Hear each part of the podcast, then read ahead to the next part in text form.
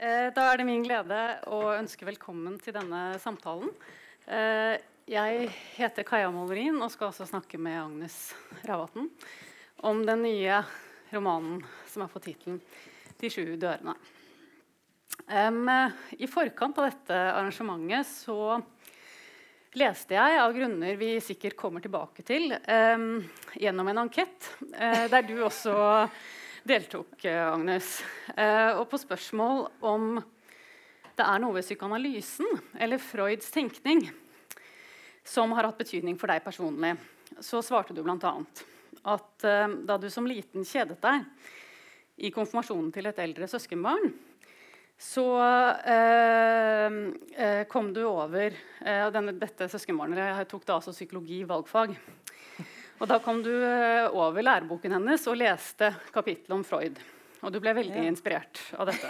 ja. eh, og vel hjemme igjen fra denne, denne, konfirmasjonen så skrev du 'psykolog A. Ravatn' med en sånn etikettskriver. og hang dette da opp utenfor døra på rommet ditt. Eh, og En lang periode så var du angivelig eh, fast bestemt på å gå i Freuds fotspor. Eh, slik ble det, som vi vet, ikke. Nei, Men, det er ikke så langt ifra, nei, det var det. Inntil nå, kanskje. Uh, Freuds rolle i denne romanen skal vi komme tilbake til uh, etter hvert, tror jeg.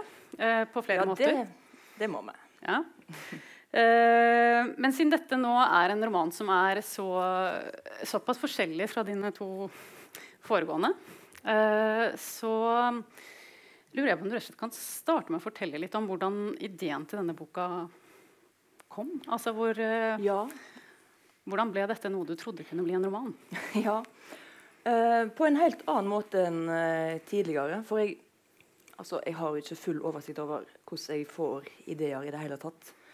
Men jeg eh, innbiller meg at det er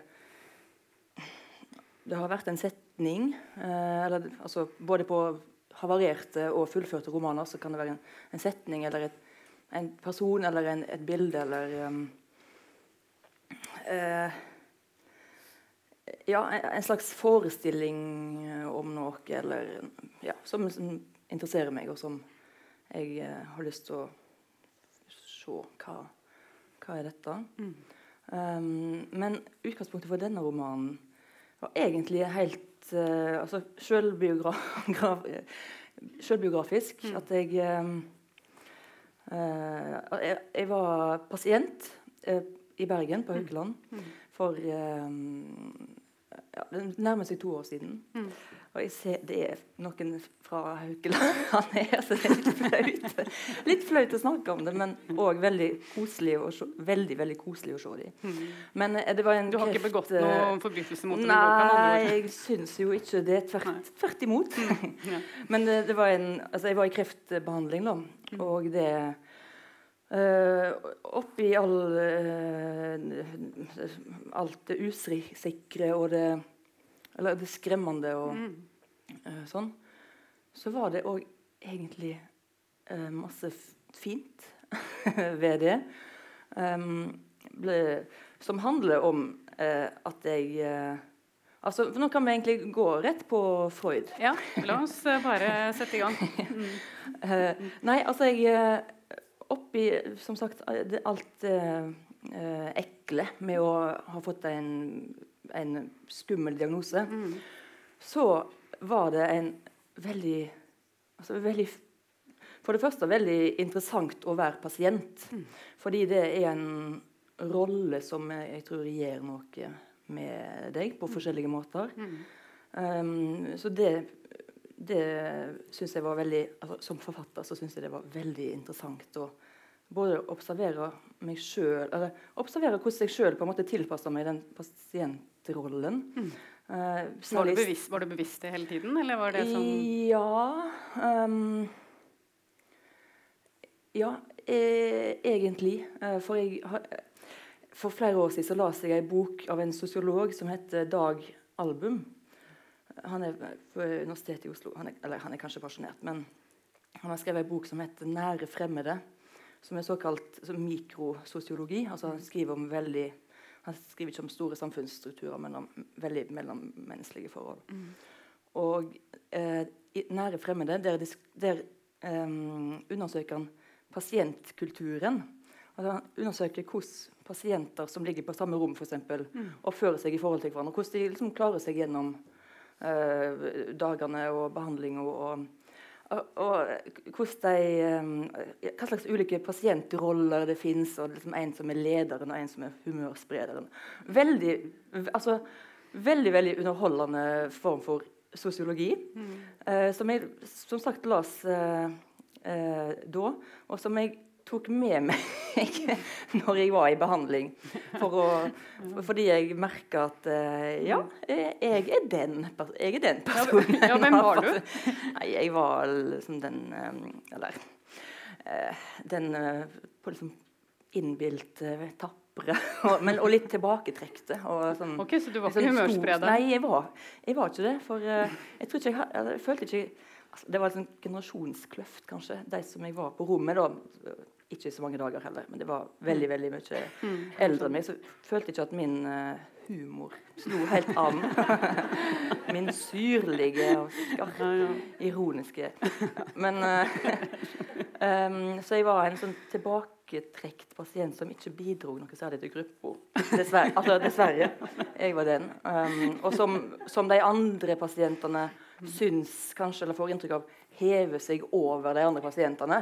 Så det er nesten en av de verste rollene en kan ha. Uh, men den tok jeg. Noen skal jo være, noen skal være den òg. Men um, um, Så det var det ene. at det, jeg syns det var veldig veldig interessant å være pasient.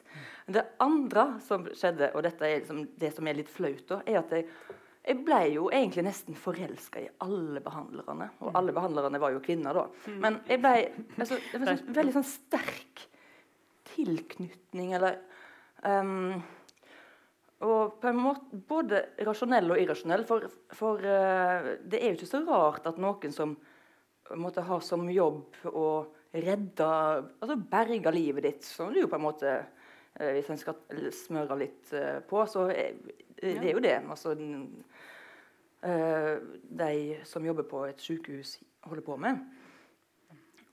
og den, den det der, Jeg ble veldig liksom, opptatt av dem, og ble veldig opptatt av å jeg hadde liksom lyst til å være en veldig flink pasient. Og liksom stå ute i mengden av pasienter og masse sånne liksom, teite ting. Men òg så ble jeg altså, idealiserte de veldig. Mm. Og, øh, altså, Ikke misforstå meg når jeg sier at det var irrasjonelt, for det, det var grunn til å idealisere mm. de. Men, men øh, jeg liksom observerte det samtidig som jeg opplevde det. At, mm. at øh, det er litt uh, rart å kjenne en så sterk tilknytning mm.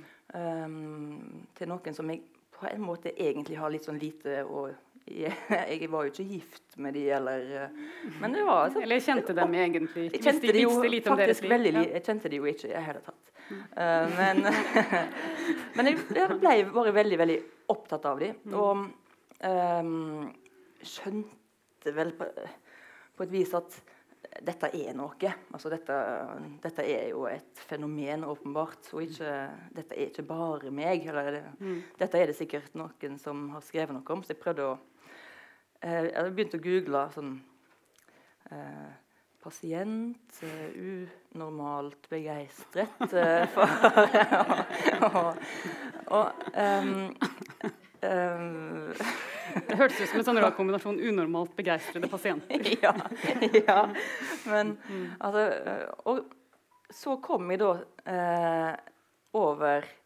dette som i psykologien blir kalt for overføring. Og som er et eh, begrep som Freud eh, lanserte og eh, innførte i psykoanalysens barndom. Vi skal ta sånn veldig kjapt eh, hva, hva, han la i det, da, så er det For dette var tidlig på 1900-tallet? Ja, dette er sånn helt sånn slutten av 1800-tallet, begynnelsen på 1900-tallet. Eller det er vel kanskje rundt 1910 at han begynner å skrive artikler om det. Mm, mm. Da hadde han i en periode eh, observert eh, med stor uro eh, at eh, eh, blant kollegene hans. Da. For det var jo ikke bare han som drev med psykoanalyse. Var, han hadde jo et, et uh, lite kobbel med, med, med uh, psykoanalytikere um, og elever av han, som stadig vekk um, altså, Han observerte at veldig ofte det, I psykoanalysens barndom så var det jo stort sett unge kvinner som, gikk, som ble behandla for såkalt hysteri. Mm. Uh, og uh, det han observerte, var at stadig vekk, uh, mer regelen enn unntaket, så falt disse kvinnene pladask for behandleren sin, som da gjerne var en, som en, en kjip fyr i 60-åra, egentlig. Men likevel så Og gjerne gift. Var, og, og alltid gift.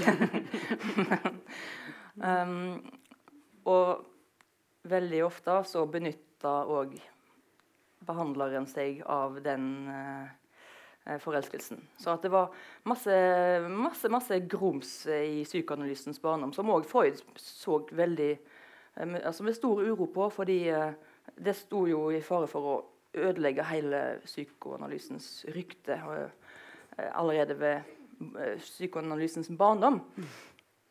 Men det eh, fenomenet, eller den mekanismen, nesten, at det er liksom nesten sånn eh, rutinemessig falt for eh, behandleren sin Han begynte å observere det, og begynte etter hvert å Eller presenterte det, lanserte det etter hvert som eh, overføringskjærlighet, eller overføring. Og Grunnen til at han kaller det overføring, er at hans teori, da, ikke sånn superoverraskende, er at Eh, det handler om barndom. At det følelsen en har for foreldrene for eksempel, eller andre viktige personer i barndommen. De følelsene en har for dem, overfører en på vok andre voksne, eller andre personer i livet ditt som voksen. Som man kommer i en annen intim relasjon med. Ja. Uh, og, og, etter hvert, som etter Freud, så har en altså, kanskje gått litt vekk ifra at at det må nødvendigvis være så knytta til barndom, og at, altså at en overfører. Men det er mer at uh, en utvikler liksom, rutinemessig nesten da, um, følelser for den sterke parten i en eller annen relasjon. altså Det som kjennetegner som overførings... Um, uh, ja, kjærlighet, eller altså overføring i mm. ulike former, er at det er en asymmetrisk relasjon. altså i i maktforhold for eksempel, og i alder. Eller. Uh, og der er jo f.eks. Uh, eh, lege-pasient eller uh, mm. som behandler og pasient en veldig sånn tydelig asymmetrisk relasjon, da selvfølgelig. Men, men så er det òg masse der som på en måte kan minne om en forelder og et barn. altså at og Jeg merka sjøl at jeg ble sånn veldig sånn liten når mm. jeg var uh, sjuk. Mm. Og, og, så er det disse her folk, fantastiske folk som, som, har som jobb å passe på deg. Mm. Så en veldig... følelsene er jo også helt reelle? Ja, de, de er jo reelle. Mm. Um, men så jeg, jeg, hadde egentlig ikke fått med meg det begrepet i noen særlig grad, bortsett fra at i det i den anketten som du eh, siterte fra, i samme nummer av det tidsskriftet så er det òg faktisk en kjempestor artikkel om overføringskjærlighet. Men uh, jeg syns det var veldig interessant, for jeg synes det var veldig sånn, oppklarende. Uh, uh, ja, det, det, var det, liksom. Det var det jeg som ramma meg. Men bare i, altså for min del egentlig bare i positiv forstand. For det som er bra med overføring, da, f.eks. innenfor helsesektoren, er at pasienten hvis det er såkalt positiv overføring. Så nå er jo dette blitt et, plutselig et Freud-seminar istedenfor et bokbad. Men det har noe med min bok å gjøre, da. Men, ja, det har ganske mye med din bok uh, å gjøre. Ja, ja. Så, så, dette kan vi bare fortsette å bruke tid på. Men, men um, og, Nå mista jeg min egen tråd. Men Positivt, jo, eh, positiv overføring. For du har òg negativ overføring. Men positiv overføring er at du idealiserer f.eks. legen din og blir vanvittig samarbeidsvillig og veldig veldig motivert for å gjøre akkurat som legen din sier. Og det er jo bra. Mens negativ overføring, da kan det være at du eh, mistrur legen og hennes eller hans eh, forslag til hva vi skal gjøre med deg, og, og begynne å motarbeide. Så skriver Freud òg om motoverføring. Og det er da den sterke parten sine emosjonelle svar på eh, pasienten eller eleven eller studenten eller altså denne, den svake sånn i makt, maktmessig da, den svake sine følelser. Da er eh, altså Av og til så, så forekommer det motoverføring, og det er at, at eh, det, ja, den sterke utvikler eh, emosjoner overfor mm. Pasienten, eller ja, hva, måtte, hva, slags relasjon det nå måtte dreie seg om. Ja, ja. Og det er jo eh, superinteressant, for det er egentlig en ganske forutsigbar eh, mekanisme. Og samtidig et veldig sammensatt emosjonelt landskap. Ja. Som jo er et ganske godt utgangspunkt for en krim, rett og slett. Ja, som er det du har skrevet. Er det ikke det? Ja. Men det, og jeg syns at eh, Jeg syns at altså det, Dette fenomenet, da, overføring Jeg syns det er så superrelevant eh, i særlig denne veldig store eh, eh kollektive samtalen vi har hatt i noen år nå, altså mm. uh, innenfor metoo. Ja, Fordi det kan, jeg syns det kan forklare veldig masse av de, hvorfor de situasjonene har oppstått. Mm. Uh, fordi det er, det er jo veldig altså, Nå er det jo ikke snakk om å legge ansvar for uh, ansvar på offeret. Mm. Men likevel så det er jo veldig få på en måte relasjoner eller uh, eller situasjoner her i verden som er liksom helt svart-hvite. De, de, de, fleste dreier seg om at det har altså For å ta en som en konkret eller for, for å ta et sånt metoo-tilfelle, så er det jo ofte eh, maktmisbruk utøvd av en, um, en person i en eller annen ledende posisjon, altså mm. med makt. Mm. Det kan være en sjef eller en politiker eller en Um, en professor eller en, ja, noen med, med, makt. Og da syns jeg det er veldig nyttig altså det, det, vil være nyttig for de personene som har makt, å være klar over den overføringsmekanismen som Freud beskriver. fordi da kan en gjenkjenne det, og da kan en òg kanskje skjønne at dette er ikke noe jeg skal uh, utnytte eller benytte meg av. Dette, mm. dette er eh, en normal idealisering og beundring og fascinasjon. Og kanskje òg en slags sånn halv, halvveis kan være en seksuell interesse, men som, som en likevel ikke egentlig har lyst til skal fullbyrdes, for å si det sånn. Mm. Uh, så det, dette er jo et sånn tåkete landskap mm. i mange sammenhenger. Og, og det, jeg syns at, som sagt at um, den, uh, det som Freud skildrer Det burde ikke være en den altså, Innenfor terapirommet så er jo dette fenomenet veldig godt kjent.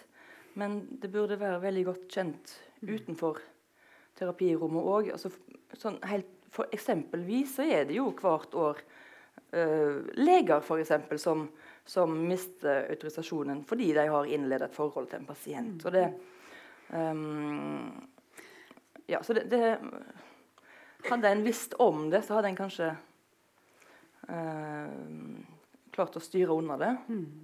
Ja, det er vel ofte refleksjonen som mangler i mange sammenhenger. Det, det er jo Men uh, i boka di så, altså, så, er jo dette med overføringskjærligheten veldig Det er jo rett og slett i kjernen av hele intrigen. Så det er jo litt, vi må være litt forsiktige når vi omtaler dette. fordi at uh, ja. Hvis ikke røper vi jo rett og slett hele plottet. Og det kan vi ikke. Ja, nei da. Men, men, jeg... men, kanskje du kan si noe likevel om, om, hvilken rolle det spiller i selve romanen? Ja, for altså, altså jeg syns at et, Det jeg skriver om, bl.a., er jo makt.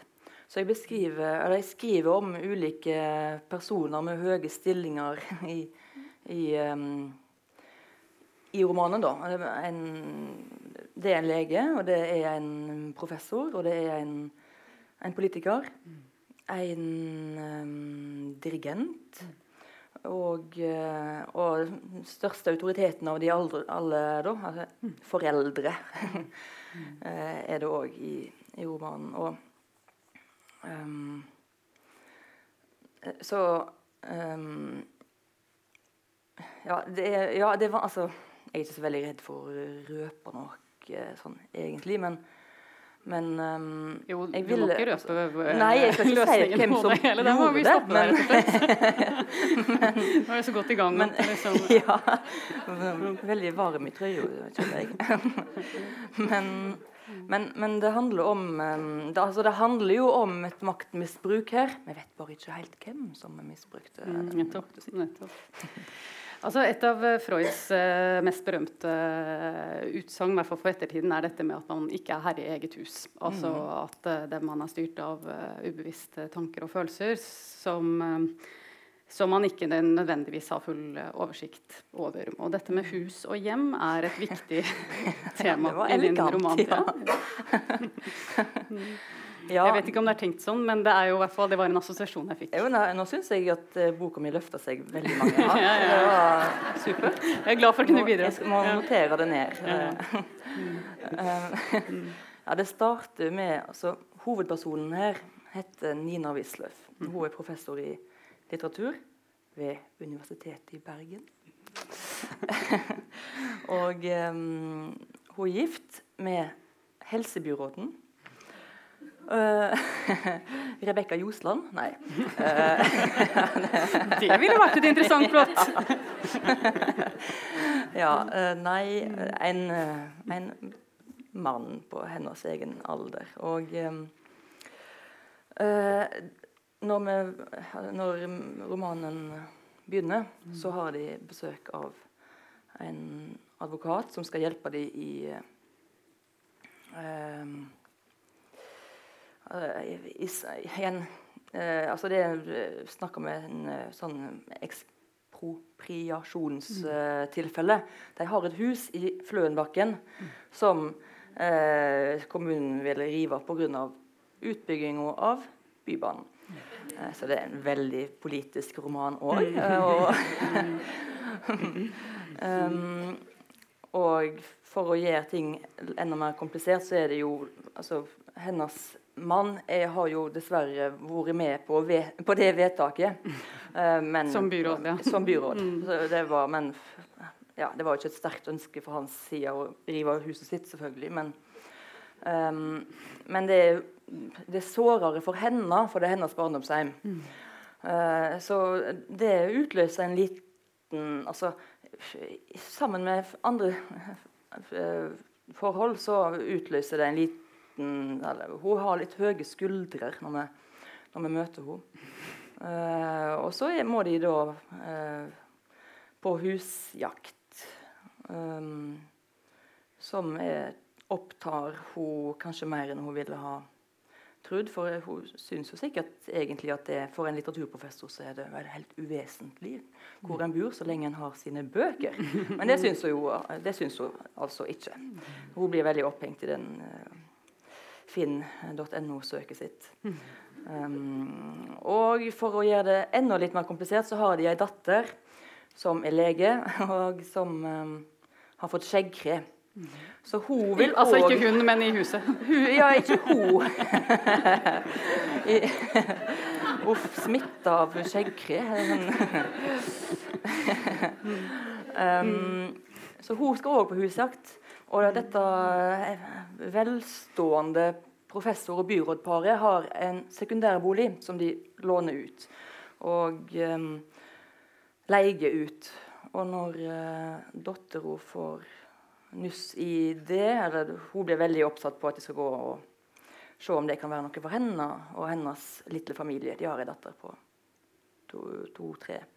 Og hun er en litt sånn pågående type. Hun er en litt pågående type, vil jeg si. Ja, hun er direkte ufyselig. Jeg tenkte jeg skulle avvente litt. Man vet aldri helt hva folk egentlig syns om sine egne Ja, karakterer. det, ja. ja, men hun er jo Ja, hun er vanskelig. Energisk. Ja, vanskelig. Ja, nettopp. nettopp. Um, så det som skjer, er at uh, det bor jo noen i det huset. Ei alenemor med en sønn på òg to-tre. Uh, og det blir en, et sånn ubehagelig møte mellom dattera og leiebueren pga. førstnevntes veldig uh, ubehagelige framferd. Um, uh, og Nina, hovedpersonen, observerer det, den konfrontasjonen uten å egentlig gripe noe særlig inn, men hun syns at det er ubehagelig. Men hun er vel òg åpenbart litt konfliktsky. Men um, noen dager seinere bare så ser hun legebueren igjen, men nå i uh, avisa som meldt savna. Uh, og der uh, starter vel hen, Der starter hennes amatør, vel, altså vel med trykk på amatør, amatøretterforsking. Først begynner hun å nøste litt i den saken for å på en måte få helt uh, avkrefta at, at, hun og dattera uh, er å klandre. Mm. Det kan hun vel strengt tatt ikke få avkreftet? Kan hun vel? Nei, det, det, kan hun uh, ikke. Men um, etter hvert så blir hun mer og mer involvert i, um, i for, Eller begynner å nøste uh, på eget initiativ i forsvinninga. Det hører òg til historien at politiets etterforskning stopper opp etter kort tid, fordi de har ikke så mye å, å gå etter. Og i forkant ja, det, det, er ganske viktig. Ja, det er, litt, det er ganske viktig. I forkant, og særlig med denne eh, geografiske plasseringa vår akkurat nå. For i forkant av forsvinninga og møtet med leieboeren så deltar Nina Wisløff i en panelsamtale på Litteraturhuset i Bergen. um, det pleier hun ikke å gjøre? Nei, hun skyr egentlig alle sånn Hun deltar ikke i den offentlige samtalen, egentlig, men hun hopper inn for en kollega som måtte melde avbud. Og har akkurat hatt en veldig dårlig eh, dårlig forelesning for det hun oppfatter som sine desinteresserte eller dårlige studenter. Eh, og uh, hun har lågt blodsukker. Og, og, og tema for samtalen eh, er en problemstilling som hun syns òg er veldig dum, og det er hva skal vi med litteratur? og der hun har to medpanelsamtalepartnere som som legger ut på veldig pompøst vis om hva slags litteraturens rolle. Hun føler veldig behov for å eh, ta avstand fra deres luftige betraktninger om litteratur. Så når det er hennes tur til å ta ordet, så, eh, så starter hun på et resonnement som hun ikke helt skjønner sjøl hvor skal, men ender opp med å eh, si at litteraturvitere istedenfor å, liksom, å leve i en sånn hermetikkboks på eh, Nei, på, på um, universitetet. Altså, der der teoretiske og lukka kretsløpet. Der så, så bør litteraturvitere jobbe som etterforskere i politiet. Fordi deres spiss, altså en litteraturviters spisskompetanse er jo nettopp det å leve seg inn i andre menneskers sinn og um, ja, forstå som uh, motiv på en her. De har en helt unik uh, inngang til Eller um, unik evne til å leve seg inn i f.eks. For en forbryters uh, sinn. eller et offer og sånn. Så det plumper hun ut med. Sammen med en ganske ramsalt kritikk av politiet.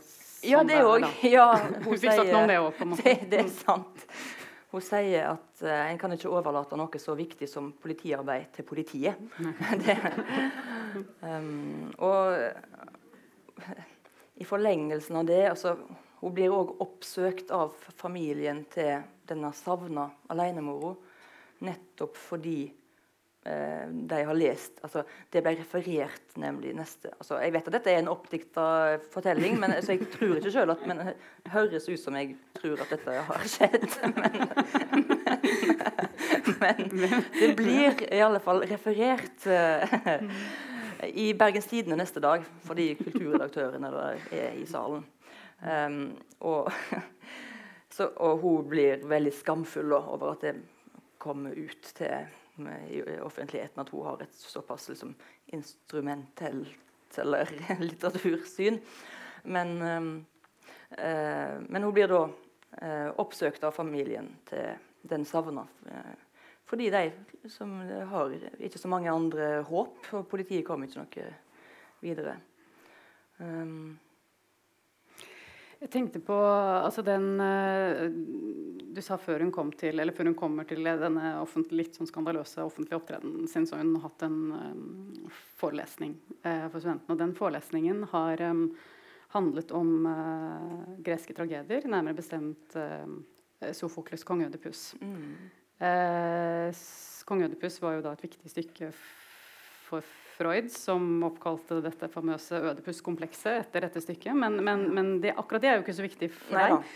Men, men um, det er av andre grunner at både Nina og for så vidt du er interessert i tragedien. Har du lyst til å si noe om det også? For det kaster ja. jo en litt sånn Eller strekker en høyere himmel over ja, det hele. Ja, det var vel for å for å løfte meg opp fra den tarvelige krimsjangeren, kanskje. Jeg håper noen ville sånn, liksom Dette er jo egentlig en tragedie du har skrevet. Det er, det er ikke en krim. Men eh, nei, altså jeg Det er gresk eller klassisk litteratur som er hennes hovedinteresse som litteraturforsker sjøl. Og, og, jeg syns personlig at eh, de greske tragediene er veldig altså de er veldig interessante. for de har det som er en klassisk oppbygging, er, er jo Eller er at uh, du har en person fra, et, uh, fra det øvre sjikt i, i, samfunnet som opplever et stort fall. Um, og så er det et begrep som er sentralt i tragediene, som hun er veldig opptatt av, som jeg er veldig usikker på uttalen. Kanskje du kan men, Antagelig ikke, men Vi bare sier hamartia. Mm. Det er et gresk ord som betyr eh, feil. Eh, eller et feilgrep, eller en feilvurdering av situasjonen. Mm. Og, og, det som ofte er Som, som får fatale konsekvenser. Som, for, som, som, som forårsaker uh, heltens eller heltinnens fall. For det, altså, siden det er en tragedie, så er det jo et, et fall.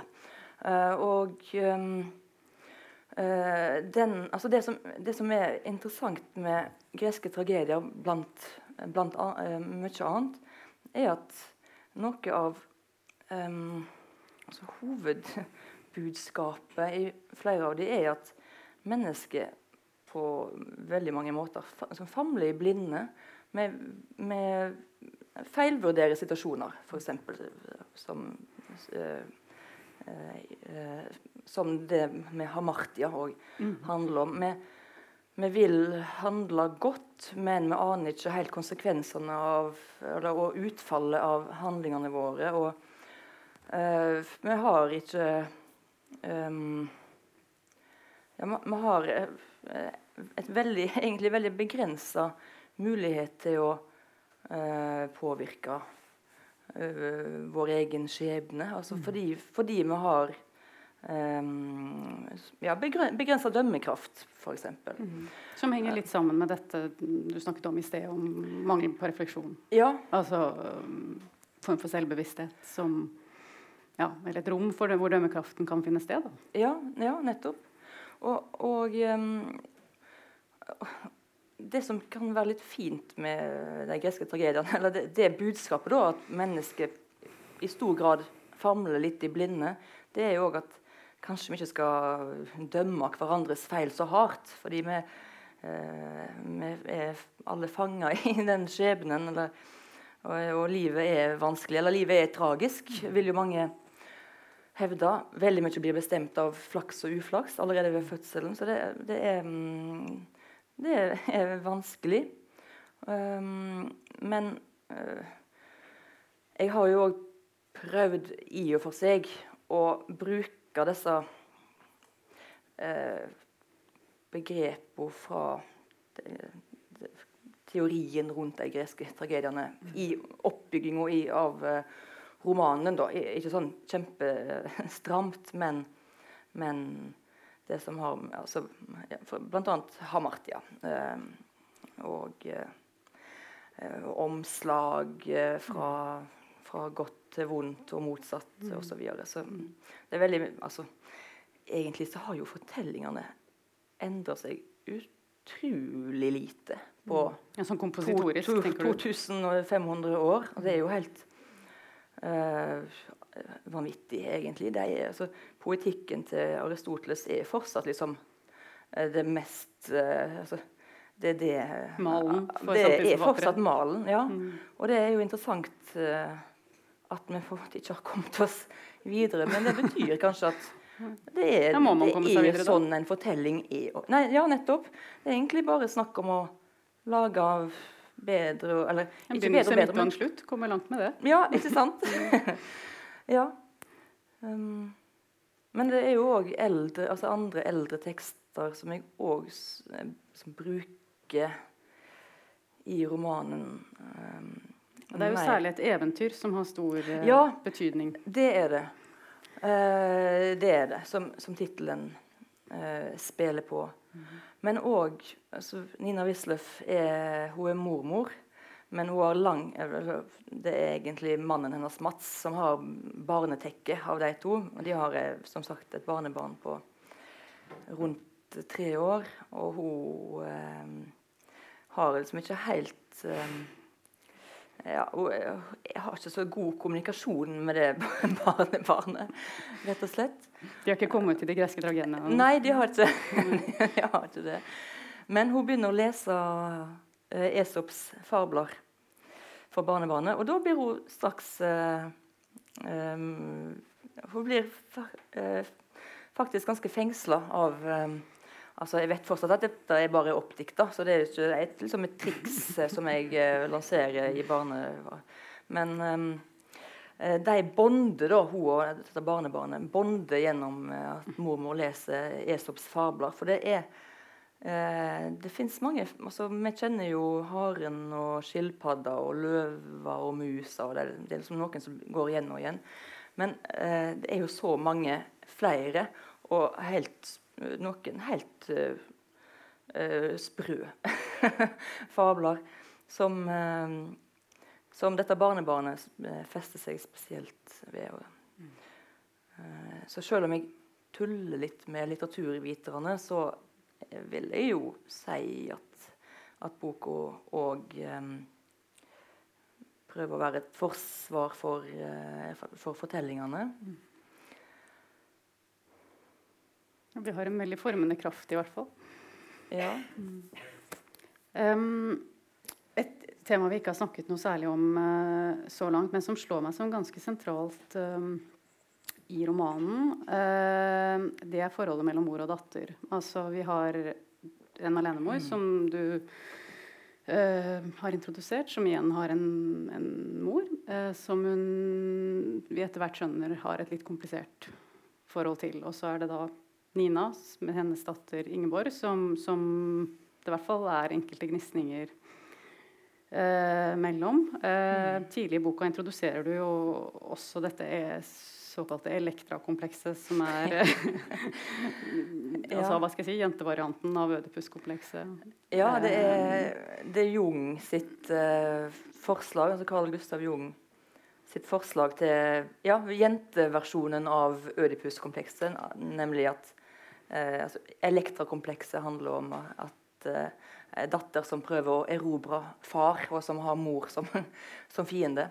Som Altså, jeg, jeg, har jo, jeg, har jo, sønner på to og fire, og eh, jeg eh, vil si at uh, Freud var spot on på Ødipus-komplekset. Litt mer usikker på Jung, men Ja, Hvordan da? Nå må du utdype. Ja, nei, eller jeg, jeg Ja, Eller eh, som du akkurat har sagt, så er det jo veldig vanskelig å være herre i eget hus og, og å ha full oversikt over. Men jeg, har liksom ikke følelsen av at jeg har prøvd å erobre faren min fra mor mi i noen særlig grad. Men jeg, jeg kan ikke avvise det heller. Nei, det har ikke vært et sånn eksplisitt tema ved middagsbordet? Nei, men eh, ja, ja. Jeg har jo ikke prøvd å Jeg, jeg har jo ikke løfta det opp heller, så det er jo Du får høre med moren din. Kanskje verdt et forsøk. Mm. Men det er Det blir jo eh, det, det blir ikke ja, det, det elektrokomplekset dukker opp igjen uh, litt uh, uti der. Det gjør det. Ja, det kan vi vel heller ikke røpe alt, uh, alt om. Nei. Rett og slett. Det er, som du antydet, en del um, ulike greske begreper som dukker opp uh, i, utover i uh, romanen. På et eller annet tidspunkt så, så får vi høre om et forlag som heter Aponia forlag. Ja. Um, og Aponia, forteller du i denne romanen, da, er, skal være det greske ordet for fravær av smerte. Ja. Um, det er det jo mye interessant man kan tenke rundt i forhold til akkurat denne, altså handlingen i denne boka. fordi altså Det er jo en roman med veldig mye som alle selvfølgelig har skjønt. Uh, en roman med mye komikk til tross for sine alvorlige tema. Men det er jo også en roman med mye smerte. Mm. Altså for de ulike ja. altså det, de bærer på, det er mange av karakterene som bærer på sorger, da, om man kan si det sånn. Mm. Livssorger. Um. Ja, det, det, er det. Um, altså Aponia var vel Det var um, Altså epur, Epikurianerne sitt, sitt, høyeste mål, altså fravær av smerte. Og um, psykisk som fysisk, da. Um, og uh, det er jo Altså, jeg, jeg tenker at det er jo selvfølgelig altså, Det er et naturlig mål å ha, men det er jo langt ifra noe realistisk mål.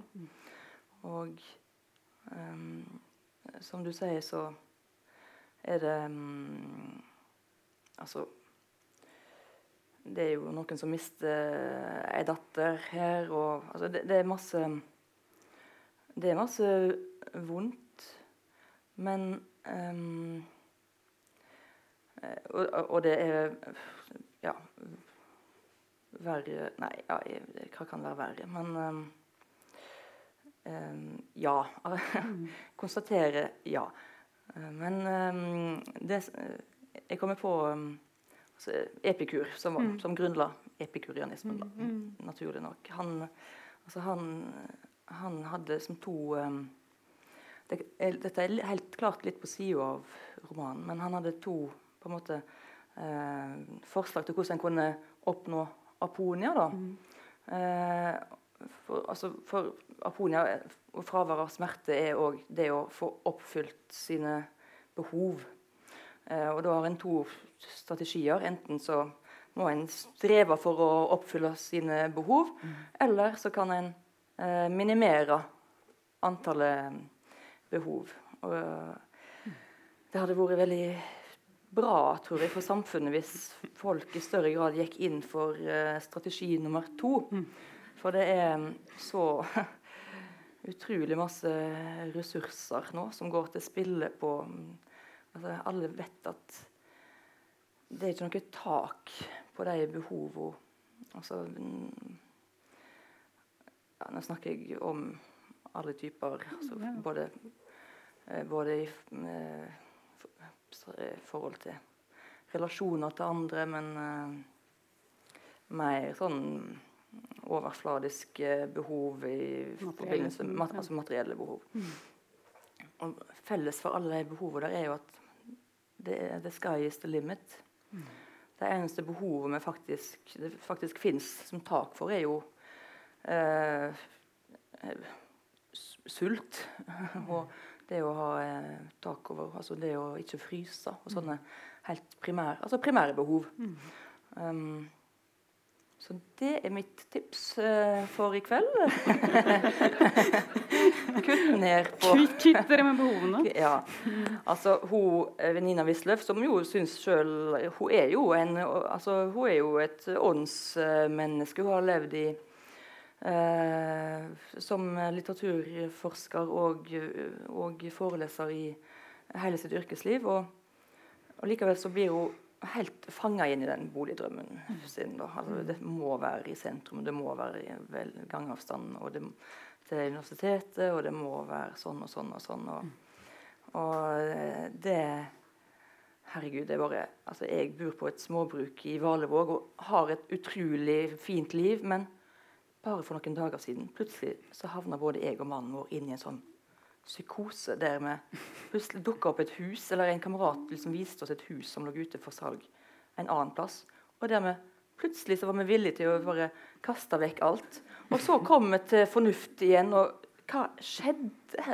Uh, er vi helt idioter, egentlig? Altså, men Ja, ja, hva, tror skjedde, hva tror du skjedde da? Nei, at en blir uh, fanga i forestillingene sine om at hvis jeg kommer det, altså hvis jeg hvis jeg bor der, kommer jeg til å fiske min egen middag hver eneste dag.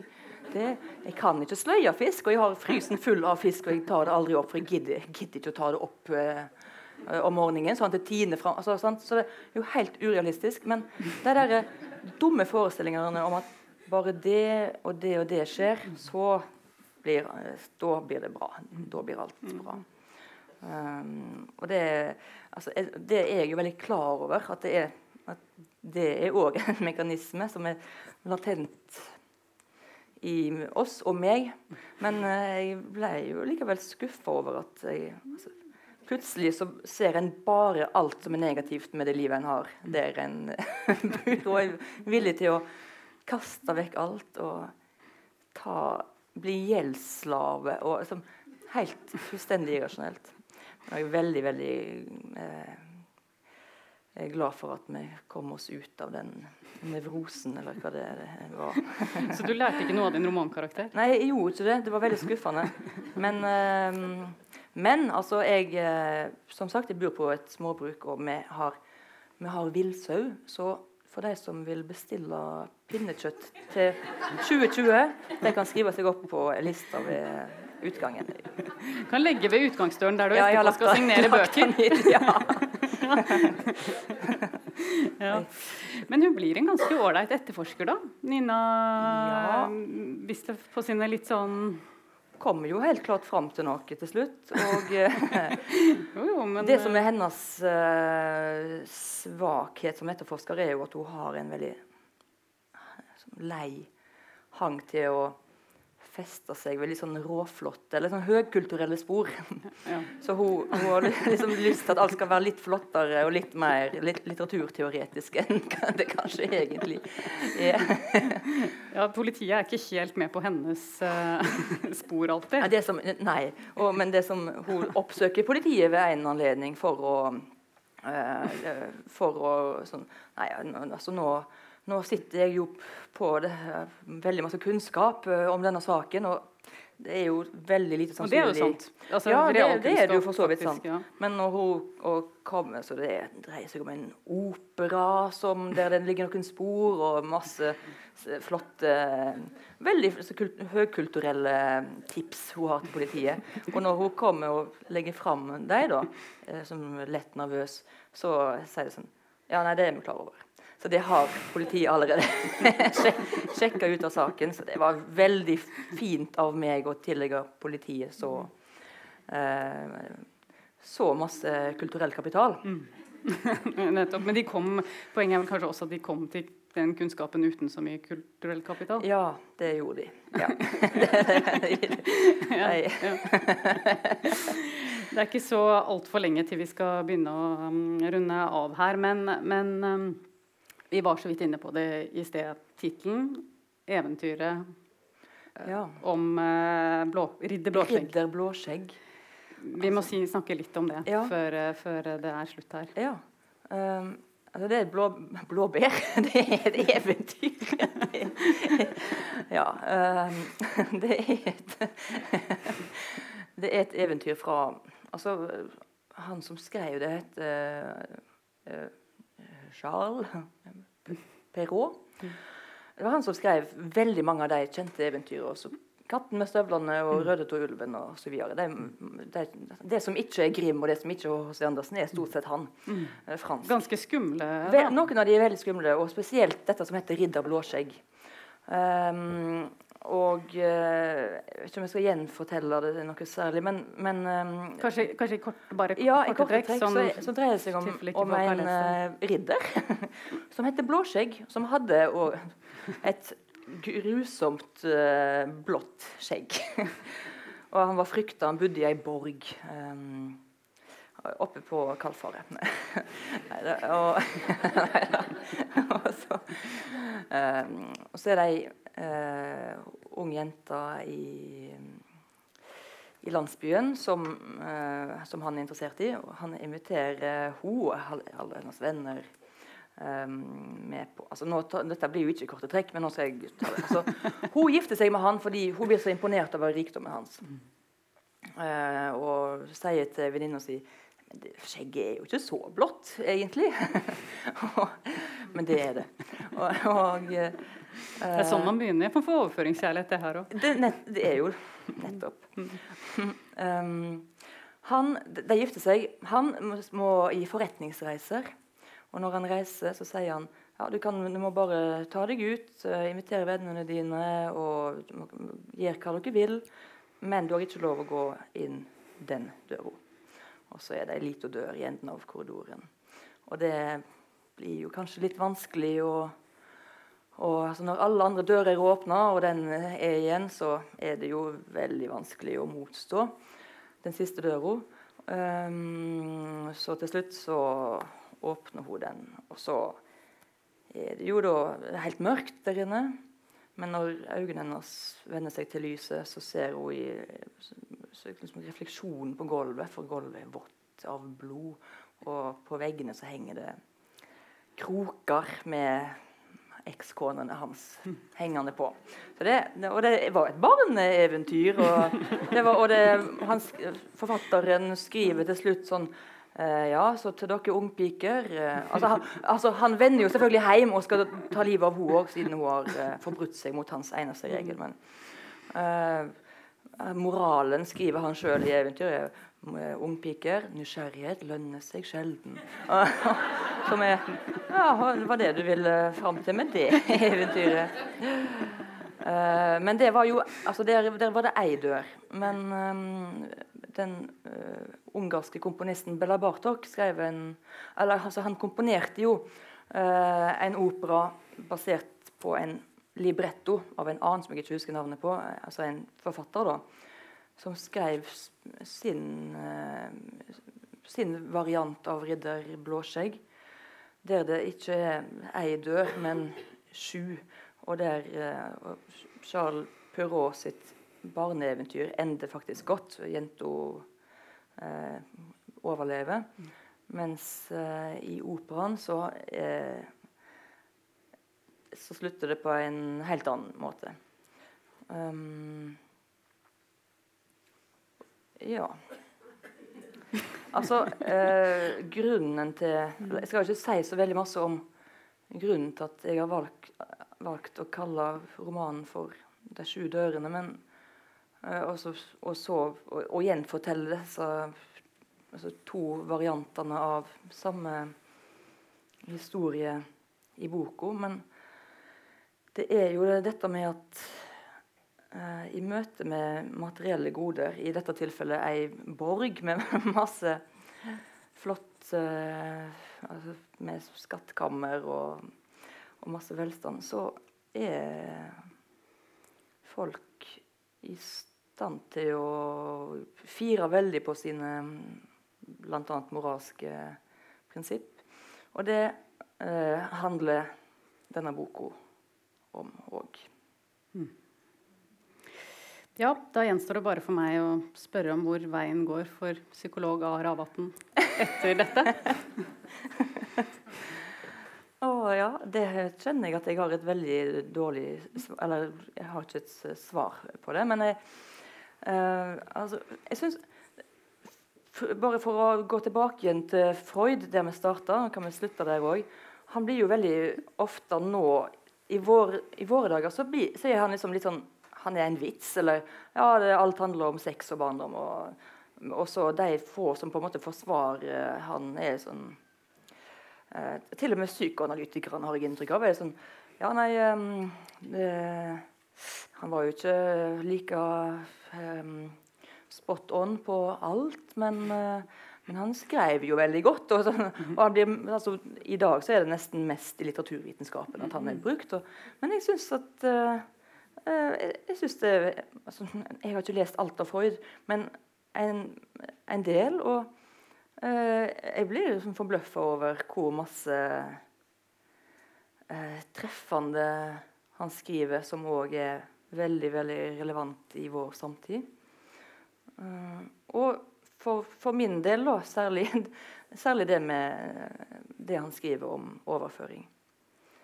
Uh, som er Ja, som, var oppklarende, syns jeg. For det ene og det andre. Ja.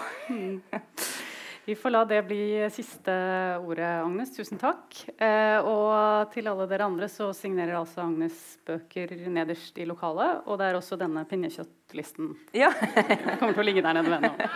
Ja, tusen takk.